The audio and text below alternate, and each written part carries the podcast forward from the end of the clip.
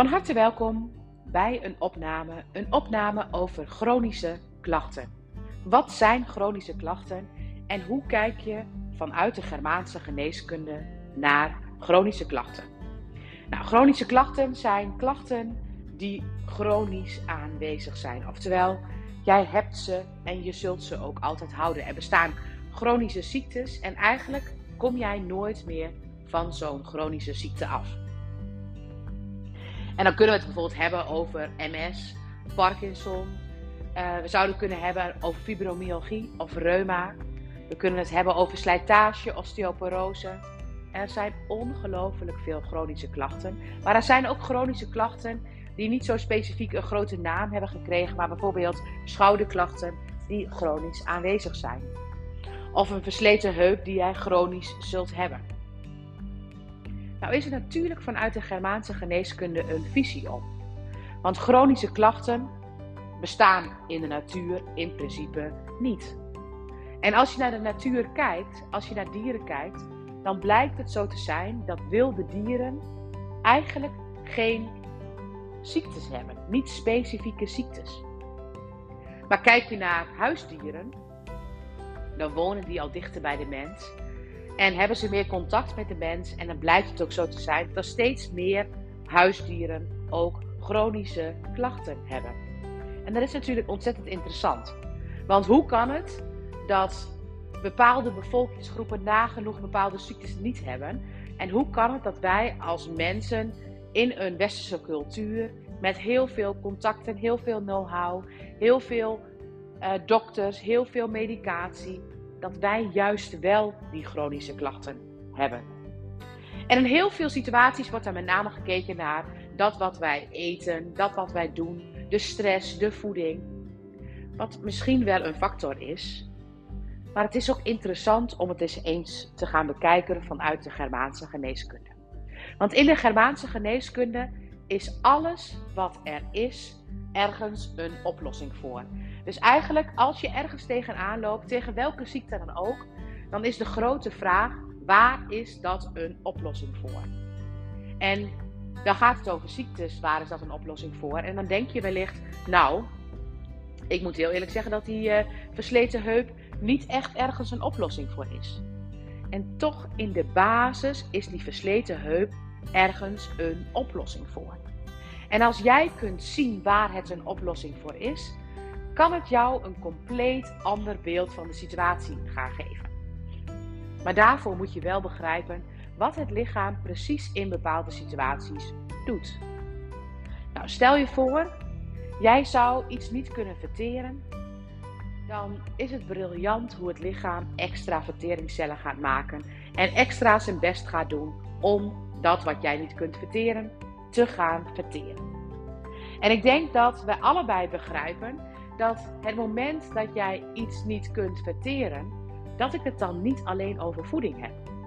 Dus als jij iets van voeding niet goed kunt verteren, je hebt een of ander taai speklapje gegeten en het is lastig te verwerken, dan kan het heel goed zijn dat het lichaam daar extra verteringscellen naartoe brengt om extra te gaan verteren. Maar het moment dat je mentaal iets niet kunt verteren, dan doet het lichaam het precies hetzelfde. Dan gaat het lichaam ook extra verteringscellen maken. Terwijl dat wat jij mentaal niet kunt verteren, dat is niet met darmcellen extra makkelijk te verteren. Als je dan kijkt naar bijvoorbeeld het kiemblad van het oud mesoderm, want al die kiembladen hebben hun eigen functie, dan gaat het met name over aangevallen voelen. En het moment dat ik me op dit moment aangevallen voel, omdat er werkelijk een tijger voor me staat, is het echt briljant dat mijn lichaam mij helpt. Maar het moment dat mijn lichaam dat doet, als ik mij in alles wat jij zegt aangevallen voel, dan is het niet zo heel handig dat mijn vliezen extra cellen gaan maken. Maar mijn lichaam doet het wel. En zouden we kijken naar bijvoorbeeld eigenwaardeconflicten, dan gaat ons lichaam, als wij het ons niet waard voelen, ook actie ondernemen dan gaat hij zich eerst verzwakken om daarna te gaan versterken. Er zijn allemaal logicaatjes wat het lichaam gaat doen om jou ergens mee te helpen. Maar het moment dat jij doorlopend het jouzelf niet waard vindt, dan heeft dat dus grootse gevolgen op de aanpassingen die het lichaam op bepaalde plekken doet. En zo werkt het met chronische ziektes. Eigenlijk zijn alle chronische ziektes mentale ziektes. En ik weet dat ik nu iets zeg wat heel pittig is. Want het moment dat ik zeg dat het altijd iets mentaals is, dan lijk ik wel een soort van ehm, persoon te zijn die iedereen aanvalt. Maar dat is helemaal niet wat ik bedoel. Want ik heb ook heel veel mentale ziektes. Ik kan soms ook dingen niet verteren. Ik voel me soms ook bij het minste of geringste aangevallen. En ik heb mijn eigen waarde ook niet altijd op orde. Want iedereen loopt tegen bepaalde thema's aan. Maar stel je voor, jij loopt heel erg tegen bepaalde dingen aan. Chronisch, chronisch loop jij tegen iets aan. Dan is het best ingewikkeld om in te zien dat waarschijnlijk in jou iets veranderd zou mogen worden. Dat er in jou een overlevingsstrategie is die jou absoluut wil helpen, maar die, omdat het al een langere tijd is, jou nu ook klachten gaat geven. En het lijkt wel alsof, als ik zeg dat het mentaal is, dat het psychisch is, dat we meteen het gevoel hebben dat we niet serieus genomen worden. Want dat is wat ik vroeger als fysiotherapeut heel vaak heb meegekregen. Want moest ik soms op een moeilijke wijze proberen duidelijk te maken dat als je heel veel stress hebt, dat dat heel veel gevolgen heeft voor je spierspanning. En dan kan ik het nu nog veel beter uitleggen vanuit de Germaanse geneeskunde. Maar wat voelde die persoon zich dan soms afgevallen? Wat was het soms moeilijk om dat te zeggen?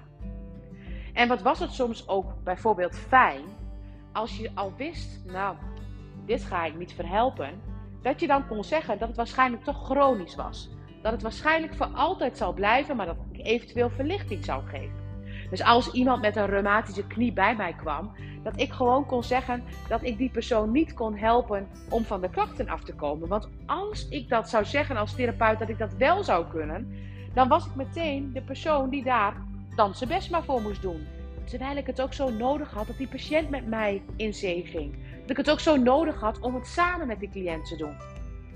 En ik denk dat chronische klachten met name ongelooflijk chronisch zijn geworden in de westerse cultuur. Doordat dokters en therapeuten, dat er van verwacht wordt dat zij het wel beter maken. We moeten alles fixen. Alles moet gefixt. Dus als we last hebben van onze heup, dan willen we graag een nieuwe heup. Maar we kijken niet, hoe kan het dat die heup versleten is?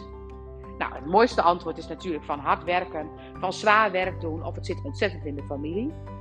Maar wat als we eens zouden kijken waarom die heup dat doet? Want ik ken veel meer mensen die keihard werken, maar die hebben niet zo'n heup. En waarom gaan we niet met liefde kijken naar wat het lichaam daarmee bedoelt te vertellen? En in de Germaanse geneeskunde zijn daar antwoorden voor. Maar dan moeten we wel zelf verantwoordelijk durven zijn. Dan moeten we het ook zelf gedaan mogen hebben. Want als ik naar mezelf kijk als ik ergens tegenaan loop, dan denk ik, nou, dat heb ik inderdaad een hele poos. Heb ik daar mijn eigen waarde knap onder de stoel of banken geschoven. En heb ik er helemaal niet naar gekeken. Dus ik snap wel dat ik daar tegenaan loop. Of als ik bijvoorbeeld naar mijn lichaamsbouw kijk. Ik doe niet anders dan mezelf niet helemaal laten zien. Dus ik snap dat mijn lichaam denkt: weet je wat, ik verstop jou. Ik doe een extra beschermlaag erom. Want ik vind het extra lastig om mezelf helemaal te laten zien. Want ik ben meteen bang dat ik aangevallen zou gaan worden. Dan is het toch heerlijk zo'n stootkussentje. Dus mijn lichaam wil mij in principe helpen. En het enige wat ik maar hoef te doen, is te zien waar denkt mijn lichaam door middel van de thema's waar ik tegenaan loop en die ik niet leuk vind, waar denkt mijn lichaam mij mee te helpen? En als je daarnaar durft te kijken, dan zeg ik niet dat je zomaar MS oplost, Parkinson oplost, dat je zomaar reuma oplost, zomaar fibromyalgie oplost.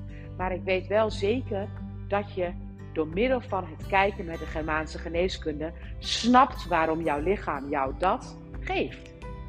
En dat je dan dus ook een keuze kunt maken om het te veranderen. Kijk, als ik mij steeds aangevallen blijf voelen, ja, dan heb ik het probleem. En dan kan ik nog tegen mijn lichaam gaan zeggen van, nou, probeer eens even wat kilootjes kwijt te raken. Maar op het moment dat ik mij aangevallen blijf voelen, zal ik eerder nog meer kilootjes gaan krijgen. Ik mag kijken waar het vandaan komt dat ik me zo makkelijk aangevallen voel. En waar het vandaan komt dat ik mezelf zo graag zou willen beschermen. En ik weet ook hoe wij ons in de westerse cultuur ook als therapeuten en als dokters moeten beschermen. Ik weet, ik heb zelfs gewoon zelfs het meegemaakt dat je als je dus iemand niet hebt geholpen, hoe iemand dan jou een soort van kan aanklagen voor het feit dat je die persoon niet geholpen hebt. Terwijl ik aan alles voelde dat er meer nodig was dan alleen die fysiotherapie. Dat er meer nodig was op dat gebied. Maar we durven het bijna niet te zeggen, dus het is zo gemakkelijk om als therapeut of dokter dan te zeggen: ja, dit zijn klachten, die zult u voor altijd houden. Want als die patiënt weet dat hij het voor altijd zal gaan houden, dan heeft hij in elk geval niet de verwachting dat ik het helemaal op zal gaan lossen. En natuurlijk probeer ik het altijd op te lossen. En natuurlijk doe ik mijn best daarvoor. En toen, natuurlijk deed ik dat toen ook.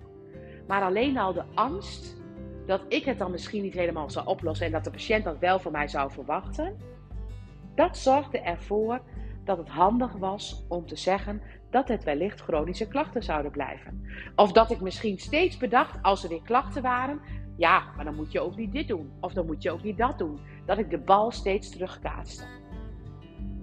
En ik moet heel eerlijk zeggen, ik denk nog niet dat ik de persoon was die dat het meest deed. Want ik was wel heel makkelijk dat ik ook aangaf dat er meer thema's aan de hand waren. Dat ik het wel durfde te zeggen.